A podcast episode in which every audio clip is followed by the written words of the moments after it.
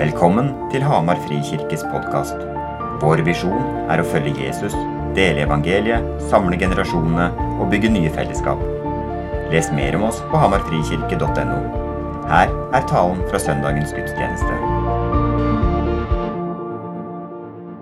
Kjære Jesus, vi takker deg for at vi kan få lov til å komme sammen som kirke. Takk for at vi kan få lov til å lovsynge ditt navn. Vi kan få ære deg for ditt verk i våre liv. Takk, Gud, for at du er på tronen. Takk for at vi er trygge i deg. Takk for at vi kan få lov til å søke tilflukt hos deg. Og ser du hver enkelt en av oss. Du ser hva vi kommer ifra, og du ser hvor vi er hen, og hvor vi er på vei takker deg for at vi kan få lov til å møte deg nå i dag, akkurat der vi er. Med det vi har, og det vi ikke har, og det vi kommer ifra. Vi gir denne stund til deg, Gud. Amen. Ja, Anders Myklebust, for de som ikke vet hvem jeg er, jobber her i kirka. Og har um, dag, Dette er liksom siste, siste, talen fra denne taleserien om uh, disse nådemidlene. Um, vi, um, vi, drev og diskuterte frem til hvem skal ta det om boten. Uh, Snakka fram og tilbake og fant at det var veldig naturlig at jeg tok den. Siden jeg har så mange fartsbøter. Uh, wow. Jeg jobba lenge med Eirik. ja. um, så vi skal snakke om bot i dag. Vi skal snakke om omvendelse. Uh, vi skal snakke litt om uh, synsbekjennelsen. Uh, og um, dette er jo et utrolig viktig tema. det er veldig Jeg tror kanskje at dette er den mest lutherske talen jeg har fått oppdrag i å ha. eh, og eh, har, har, vært en eh, Jeg må si det har vært en utrolig god prosess, forberedelsen denne talen her, og jeg har gleda meg skikkelig til å ha den. Og opplevd at Gud har møtt meg i, i det. Så det er bra. Bot er jo kanskje ikke et ord som, som brukes altfor ofte i vår sammenheng. Eh, i konteksten av omvendelse. Vi skal snakke litt om bot, og vi skal snakke, snakke om det i sammenheng med omvendelsen. Eh, I dagens samfunn er det nesten blitt tabu å snakke om synd, at ting er synd. Eh, det, man skal på en måte eh, Vi skal være frie, og eh, ja, vi har kanskje våre eh, Vi har litt grums alle sammen, men, men det er ikke noe vi ønsker å på en måte sette et fokus på. Um, fint å på en måte unngå å snakke om det. Uh, og her i kirka så har vi jo hatt mye fokus på å snakke om ting som er vanskelig å snakke om. Uh, litt tilbake så hadde vi på en måte uh, Snakk om det-taleserien. I ungdomsarbeidet vårt har vi, har, vi, veldig mye fokus på tabuting. Vi snakker om ting som prøver å få ting opp i lyset, sånn at ikke ting blir tabubelagt. Synd er også en sånn ting tror jeg, som gjør at vi um, fort, Det kan på en måte ting vi ikke vil snakke om. Um, og, men jeg tror det er utrolig viktig at vi snakker om viktigheten av å bekjenne synd. Uh, og det å uh, bekjenne det som er synd, for synd. Uh, og ikke noe annet. Det, for hvis vi ikke gjør det, så kan det fort bli at man later som, eller man på en måte tenker at ting er greit. og så trenger man å sette ord på det. Eh, men grunnen til at man kanskje ikke vil sette så mye ord på det, og, og sette så veldig fokus på det, kan jo handle om at det, blir, det kan fort bli fordømmelse. Det kan fort bli eh, Man blir, blir, trykt ned. Eh, jeg husker jeg spurte en, en kristen fyr en gang eh, åssen går det med Gud. Jeg gjør så godt jeg kan, eh, var svaret hans. Eh, og, så det er på en måte litt den eh, Vi prøver så godt vi kan, og så kommer vi til kortet alle sammen. Eh, og da vi oppå det i tillegg skal snakke og på en måte skal peke på synd, eh, så blir det fort litt tungt å bære. Eh, men det er viktig at vi setter ord på det, og det er viktig at vi ikke later som at alt er greit. Da blir vi fort som eh, Adam og Eva eller Kain og Abel, der, der man gjemmer seg for Gud eh, pga. det man har gjort. Man kler seg til, eh, dekker seg til eh, og gjemmer seg. Og så lever vi på en måte livene våre litt sånn halvveis greit. Bot og omvendelse handler om to ting. Det handler om anger. Det handler om å eh, angre på det vi har gjort. Og det handler om tro. Eh, og det er utrolig viktig eh, i møte med, eh, med, synd. I møte med det å angre på det man har gjort. At det ikke stopper der, men at det også del to handler om tro. Tro på evangeliet i det. Og det skal vi komme tilbake til. Anger handler om at vi angrer på det vi har gjort. Eh, da må vi først være overbevist om at det vi har gjort, er synd. Eh, og, er ikke, og, og, så er det, så er det sånn eh, Det med Gud er at han, han, kan vise oss ting som vi har gjort, som vi trenger å legge hos han og be om tilgivelse for. Og så er det også ganger vi gjør ting uten å vite om at vi har gjort noe dumt. Eh, vi, ikke, vi, er på en måte ikke blitt gjort klar over det. Eh, en litt uh, drøy historie i Bibelen om det er jo kong David. Kong David fra 2. Samuel, eh, Samuels bok, kapittel 12, vers 1-14, hvor David har eh, sett seg ut denne vakre dama som har dusja, dusja på taket, Batseba, eh, og bestemmer seg for at hun vil jeg ha. Eh, hun var gift, eh, så han sender mannen hennes fronten i krigen. Eh, sånn at det var stor sannsynlighet at han ville dø i krigen, og det gjorde han. Og så tok, da, så tok David denne Batseba til seg som sin kone. Eh, ganske drøy ting å gjøre. Én eh, ting er på en måte det å, at han har lyst på en gift kone, men, men det, det, andre siden av saken er at han sender hennes mann til døden. Eh, men det som kanskje er det drøyeste av alt, denne historien, er at David eh, innser ikke at han har gjort noe galt. Eh, jeg vet ikke hvordan eh, det ikke slo inn. det, det, er ganske mange røde lamper på veien, eh, men Egentlig allerede når man ser en naken dame på tak, så, så burde du kanskje flytte blikket litt. Men, men i hvert fall så er det veldig han, han innså ikke det. Jeg vet ikke om det handla om at han var konge og hadde mye makt. Og, og, og på en måte kanskje, en, kanskje, hadde han blitt litt høy på seg sjøl, jeg vet ikke, som gjør at han hadde lov til det meste fordi han var konge. Det vet jeg ikke. Men det skjer jo ikke noe før eh, eh, profeten Natan konfronterer han. eh konfronterer med det han har gjort. Eh, han forteller en historie til David, en lignende historie, en litt sånn parallellhistorie. Eh, og David blir harm og tenker denne mannen som har gjort dette, må tas. Og så sier Nathan, du er den mannen. Eh, hvor han peker på David og forteller han at det du har gjort, er synd. Eh, alvorlig. Men når David blir gjort klar over hva som har skjedd, da kaster han seg ned på bakken og omvender seg. Eh, når han blir gjort klar over synden i livet sitt, så ber han om tilgivelse. Nå er dette en historie som fikk konsekvenser for han. Eh, sønnen hans døde som en konsekvens av hans synd. Eh, men Gud tilga han.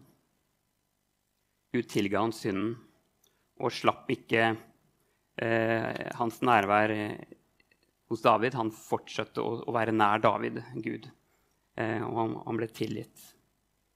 Det er synd vi har gjort som vi vet om, og så er det synd som vi må bli gjort klar over.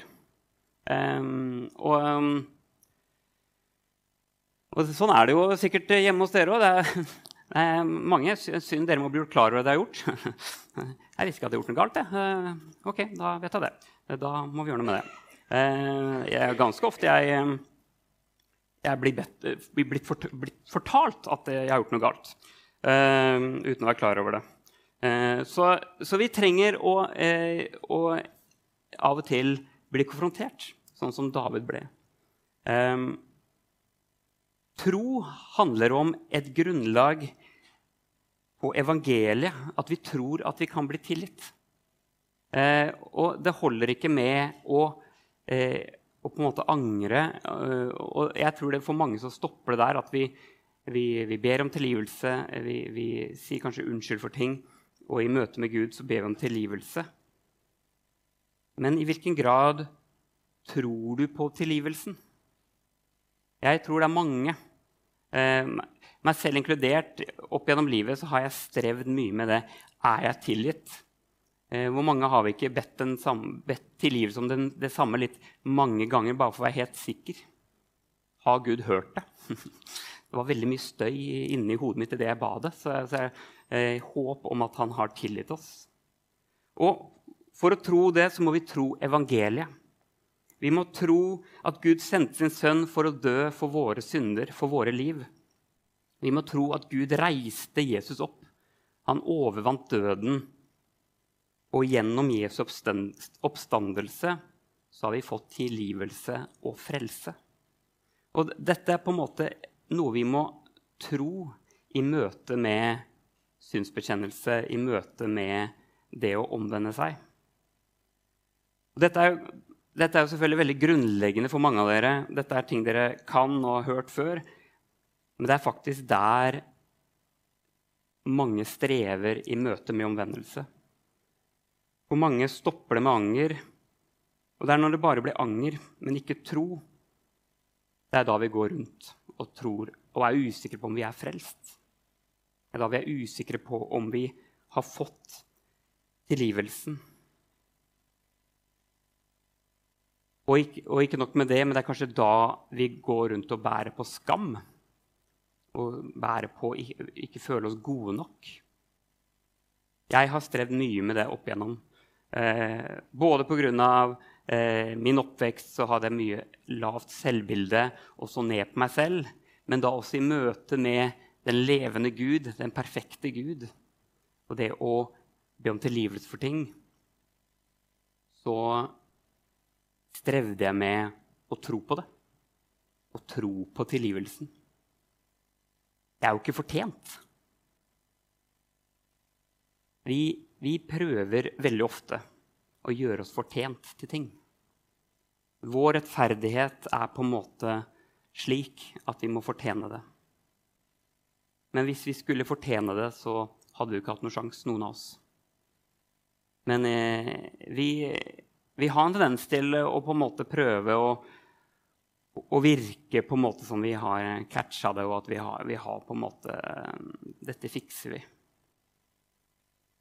Men i møte med Gud så kommer vi alle til kort. Jesus tok skammen på korset. Jesus tok all skyld.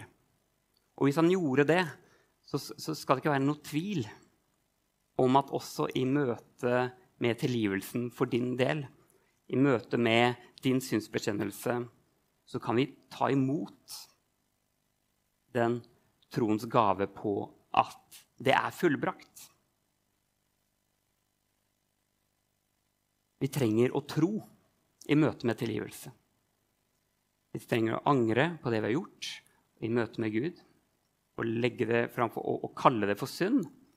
Og så trenger vi å tro på at Guds verk på korset gir oss tilgivelse, gir oss frelse. I Bibelen er det kanskje en veldig tydelig forskjell på to personer inni det her, og det er disiplene Judas og Peter. Jeg tenker at dette er to historier som, som, som viser veldig tydelig det med å ha tro eller ikke tro. Begge var disipler av Jesus, nære venner av Jesus. Eh, opplevd mye med Jesus, begge to. Fulgt Jesus gjennom tida. De gikk sammen, på, eh, sammen med Jesus på jorda, og eh, Jesus gjorde mirakler og store ting. De var begge disipler av Jesus. Så satt rundt bålet på kveldene og tok til seg undervisning og, og det å koble relasjonelt med Guds sønn. Og så kommer vi til skille her hvor Judas blir frista til å utlevere Jesus til fariseerne, til, til, romerne, for, for, at Jesus skulle bli drept. Judas svikter og Judas utleverer Jesus. Litt senere så svikter også Peter. Peter som hadde lovt Jesus at uansett hva som skjer, så kan du stole på meg. Jeg er med deg hele veien. Og når Jesus blir tatt til fange, så blir Peter redd. Og han blir redd for å selv bli tatt til fange. Så han banner på at han ikke kjenner Jesus. Han nekter for at han er en av Jesu etterfølgere. Så begge to svikter på en måte Jesus. Begge angrer. Judas angrer og gir opp livet og tar livet sitt. Peter får et nytt møte med Jesus og får muligheten til å tro. Tro på forsoningen, tro på gjenopprettelsen. At Jesus gir han nåde. Vi trenger å tro i møte med tilgivelsen og vennelsen. Kirken har alltid vært bekjennende eh, Jeg skal snakke litt om på en måte synsbekjennelsen i gudstjenesten vår. Eh, kirken har alltid vært bekjennende, og derfor har på en måte vært grunnleggende disse bekjennelsesskriftene. Eh, trosbekjennelse, synsbekjennelse Disse bekjennelsene har på en måte alltid vært viktige i Kirken opp igjennom. Og, og, jeg må si at det har vært en sånn viktig lærdom for meg, og det er noe som har vokst på meg. Eh, dette vet Eirik. eh, som på en måte kommet fra en veldig karismatisk bakgrunn, setting, og komme inn i et gudstjenesteliv hvor, hvor vi har eh, trosbekjennelse og synsbekjennelse. Og kanskje spesielt synsbekjennelsen er noe, noe jeg har måttet jobbe mye med eh, for min egen del. Jeg kommer nok litt ifra en, en setting hvor man stiller spørsmål til eh, at vi, skal, eh, at vi skal be ting andre har skrevet for deg. Eh, jeg vet ikke om du kjenner deg igjen, eller om hvordan hvordan din tilnærming til det er. Men det å lese ferdige bønner eller så eller så kanskje spesielt synsbekjennelsen eh, det må da være bedre å bekjenne noe som kommer fra meg personlig. Som er fra meg, som er liksom noe jeg mener, istedenfor at jeg bare skal gjenta noe noen skrev for 1000 eh, år siden. Eh, det har vært en sånn kamp for meg i, i møte med det her, å finne ut av det her. Og litt av utfordringen vår er at vi har blitt, altså vi, måte, har, samfunnet vårt har blitt veldig individualistisk. Eh, og at det handler om meg, og det handler om hva jeg vil, eh, og hva jeg føler. Og jeg møter individet, kollektivet, fellesskapet. I Bibelen er det hele veien snakk om et vi. Det er snakk om fellesskapet, ting man gjør sammen som, som kirke, som fellesskap, som brødre og søstre. Eh, våre bekjennelser i gudstjenestene er kobla til fellesskapet. Vi bekjenner troen sammen. Sammen med de som har gått før oss, sammen med den globale kirke.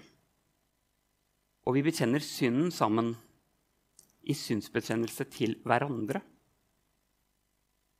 Vi er kanskje mest vant til å bekjenne synd for vår egen del. Ved sengekanten, alene med Gud.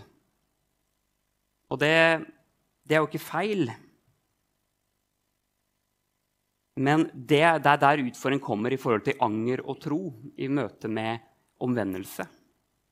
For hvis du er alene i din synsbekjennelse, så er du også alene om den kampen om er jeg tilgitt?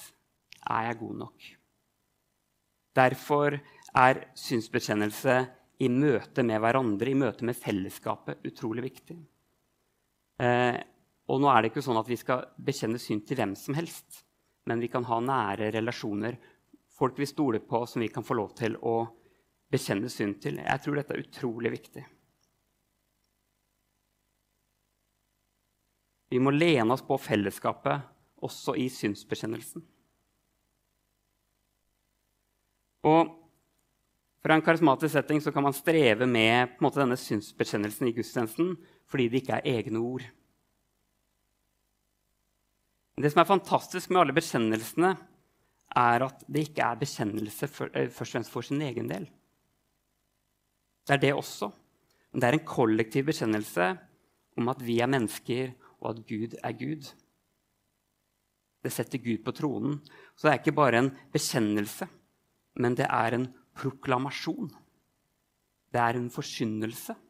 At når vi sier ut trosbekjennelsen sammen, når vi sier ut synsbekjennelsen sammen, så forkynner vi evangeliet. Så for en forsamling som kommer sammen, og folk som kommer inn her, så er disse bekjennelsene med på å forkynne og proklamere evangeliet. Det er det som gjør de så sterke.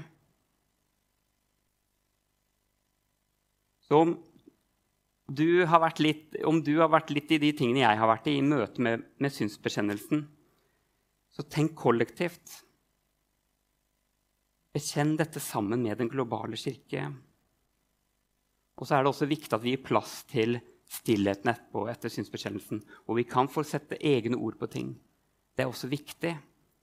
Men synsbekjennelsen kollektivt er med på å løfte Gud opp og sette ord på hvem Gud er, i møte med våre liv. Så kan vi få lov til å proklamere det. Så For meg så har synsbekjennelsen blitt en, en, en flott ting som jeg, som jeg, ser fram til å være en del av og si ut. Når jeg kom til Hamar frikirke, så klarte jeg ikke å være med på den. Da hadde jeg munnen igjen, og så ba jeg min egen bønn. så jeg har gått fra det til nå hvor jeg liksom ser fram til å proklamere ut synsbekjennelsen. Ehm, for meg har det vært en, en vandring inn i kirke. Og tenke, hvordan jeg tenker rundt disse synsbekjennelsene. Vi skal lese et vers fra Jakob 5, 16. Bekjenn da syndene for hverandre og be for hverandre, så dere kan bli helbredet. Et rettferdig menneskes bønn er virksom og utretter mye. Viktigheten av å bekjenne synd til hverandre. Eh, Bibelen snakker om det, eh, og det, det, snakker om til hverandre. Det er få steder du kan lese om på en måte Bekjenn synden for deg selv eller mellom deg og Gud. Men er, hele veien så handler det om fellesskapet, kollektivet. Luther eh, snakka om, om, å ha en skriftefar. Eh, og på en måte det å ha noen du kan skrifte til. Eh, og skrifting er jo på en måte sikkert opplagt i forhold til at det er to, også to deler der. Det ene er å bekjenne synd, og det andre er en skriftefar, som Luther kaller det, som handler om å, noen som kan på vegne av Gud tilgi deg for din synd. Utrolig viktig å møte noen som kan gjøre det med deg. Jeg har det i mitt liv, eh, og jeg er avhengig av det. Jeg har hatt mange kamper i mitt eget liv om mitt eget gudsliv. Og hvis jeg skal stå helt alene om på en måte å styre med det, så, så, har det blitt mange kamper. Det er noe befriende når det er noen andre som vet. Det er noen andre som vet om mine kamper, som står sammen med meg, som kan på vegne av Gud tilgi meg, som kan på en måte si det ut, selv om jeg vet det. Si det ut. Du er tilgitt. Luther kalte for en skriftefar, og det var da en prest eller en annen troende som bekjente synd, som han bekjente synd til, og så på vegne av Gud tilga vedkommende synden. Det blir på en måte en hjelp i troa vår. En som kan hjelpe deg å leve i lyset. Og så skiller Luther mellom synsbekjennelsen til Gud og synsbekjennelse til skriftefar. Altså til en du bekjenner synd til. Synsbekjennelse til Gud er for all synd. og Det er derfor synsbekjennelsen ofte setter ord på ting vi ikke engang vet. på en måte. Det er, det er synd vi kanskje ikke vet vi har gjort, men pga. vår tilkortkommenhet som mennesker så, så, gjør vi synd. Men til, en, til, den du skrifter til, så bekjenner man synd man er klar over.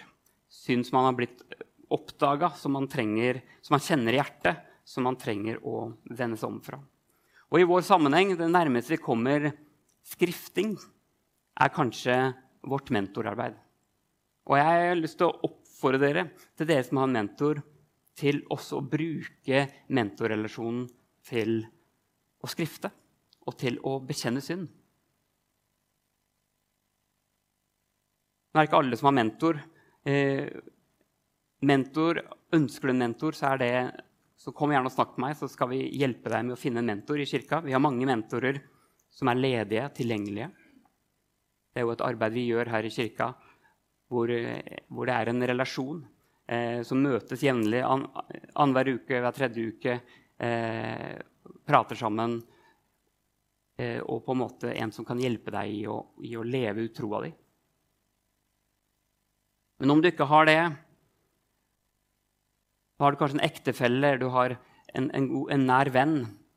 Eller om du bruker veiledningstjenesten eller eh, kommer til eh, noen i det eldsterådet eller oss, oss pastorer. La oss sørge for at du har noen du kan sette ord på til i forhold til ditt trosliv, og også i møte med bekjennelse av synd. Det er noe frigjørende det er når, når Altså når jeg på en måte jeg, De jeg snakker med i forhold til disse tingene her, det er jo jeg, jeg, er jo litt sånn spent hver gang jeg skal møte, for jeg vet det er ting jeg må si. Jeg vet det er ting jeg skal liksom bekjenne. Og det er jo, det er jo litt sånn Ja, da jeg kjenner det langt ned i magen. nå, nå altså det det jeg, jeg har jo bedt om tilgivelse til Gud om det, sånt, så jeg er på en måte ferdig. Men, men, men, så, men, så, har jeg lyst til å få det ut i lyset ved å si det ut. Og da sier jeg det til den, til den jeg møter. Eh, da, men det er, en, det er, jo en, helt vill følelse når jeg har gjort det.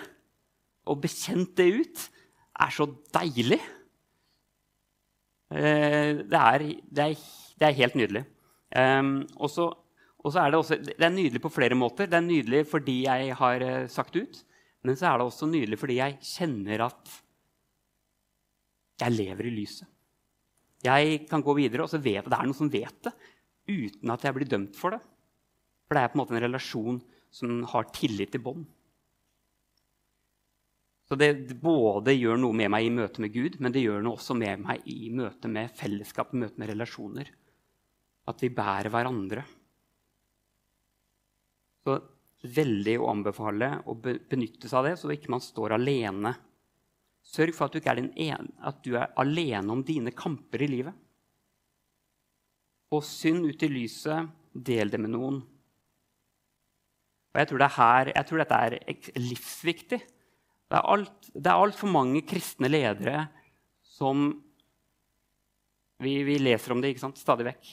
Som på en måte eh, faller i dette. Man blir etter hvert så travle, og man har tjenester, og man blir, man blir hausa opp fordi det, man står i en sterk tjeneste. Men så, har, etter hvert, så blir det til slutt et dobbeltliv man lever. Man har tjenestelivet, og så har man sine struggles hjemme eller i sitt indre liv. Man er på en måte blitt for stor til å bekjenne synd. Man har liksom blitt for stor til å være ærlig om hvor man er. Fordi man vil, jo, man vil jo ikke svikte de rundt seg. Vi trenger å være ydmyke i det her. Så skaff deg en uh, skriftefar. skaff deg en mentor. Skaff deg en venn, en du kan ha tillit til i møte med det her. I Forkynneren, eh, kapittel 4, vers 9-10 Det er bedre å være to enn én.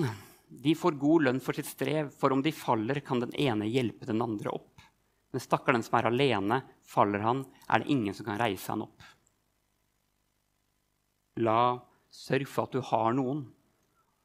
Om du ikke er gift, om du ikke har en, eh, ikke en har en ektefelle, eh, så, så, har, man, har man men mennesker rundt seg. Du har menigheten. Vi har alle mulighet til å ha noen vi kan lene oss på. Jeg skal avslutte med noe som jeg brenner veldig for, og det er at omvendelse det er noe positivt. Omvendelse, det med synd og alle disse tingene, har blitt noe veldig sånn tungt. Og, og for mange skamfullt og, og på en måte no, noe mørkt. Eh, men Jesus har tatt bort all skam. Det vil si at når jeg kommer for å be om tilgivelse for ting, så er det sånn at nesten jeg kan komme med et smil om munnen. Jeg gleder meg til å bli tilgitt. Jeg gleder meg til å bare få lagt det av meg. Det er jo det verk på korset er. At vi kan lov Vi kan komme med, til Gud med frimodighet og med glede.